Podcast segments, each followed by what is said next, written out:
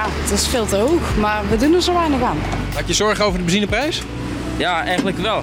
Terwijl jij bijna huilend staat te tanken en met een rip uit je lijf je energierekening betaalt, maakten zij dikke winsten. Shell bijvoorbeeld 38,5 miljard, dat is echt enorm. ExxonMobil 51,5 miljard. In eh, Saudi-Arabië heb je een van de grootste oliebedrijven ter wereld. Die hebben 120 miljard in negen maanden tijd verdiend. Bij die bedrijven komt er naast olie en gas ook champagne uit de kraan. Dankzij de energiecrisis hadden ze een van hun beste jaren ooit. We kunnen het niet over onze kant laten gaan dat bedrijven als Shell en Exxon dit soort exorbitante, schandalige winsten maken. Ik ben Jasper en ik duik met je in de oliewinst.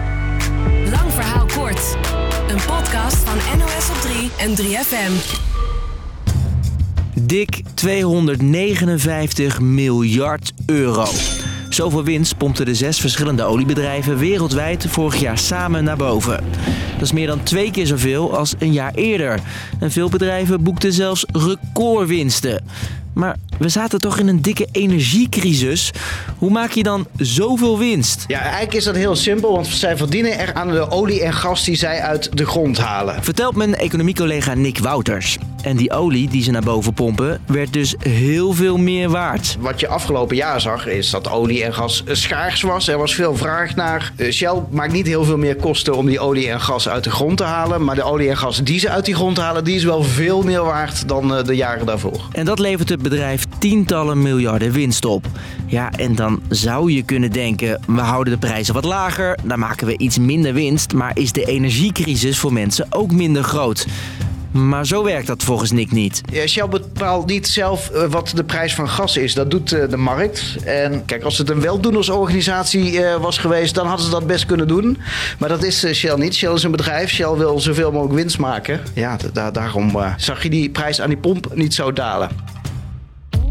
Oliebedrijven zoals Shell zijn beursgenoteerde bedrijven.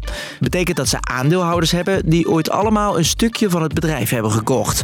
Vooral zij worden dus rijk van die miljarden aan winst. Maar Het wordt ook geïnvesteerd, bijvoorbeeld weer in het vinden van nieuwe olie- en gasvelden. Want dat is toch iets wat Shell ook wil blijven doen. Want ze zien dat die vraag hoog is en hoog blijft waarschijnlijk de komende jaren. een derde van de winst gaat volgens Shell naar investeringen voor duurzame energie.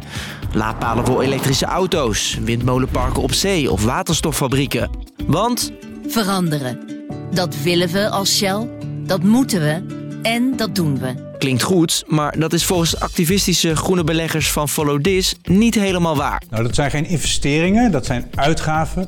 Maar dat is een rookgordijn om te verhullen dat ze nog zo lang mogelijk een fossiel energiebedrijf willen blijven. Het is een rookgordijn dat bovendien oncontroleerbaar is. Follow This kocht bewust een stukje Shell om mee te kunnen vergaderen en beslissen.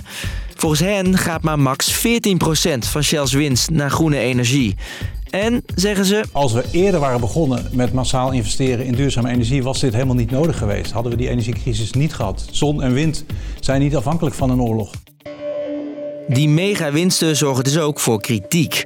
Dit zei de Amerikaanse president toen hij de cijfers van ExxonMobil zag. Bijna 52 miljard euro winst. Exxon made more money than God this year. Exxon, start investing, start paying your taxes. En ook het Nederlandse Shell krijgt heel wat kritiek. Bijvoorbeeld uit de Tweede Kamer. We kunnen het niet over onze kant laten gaan dat bedrijven als Shell en Exxon dit soort exorbitante, schandalige winsten maken. Is het dan niet heel logisch dat we zeggen, nou, dan gaan we nu even niet eh, voor zorgen dat jullie aan de aandeelhouders kunnen uitkeren. Maar veel kan de politiek niet doen.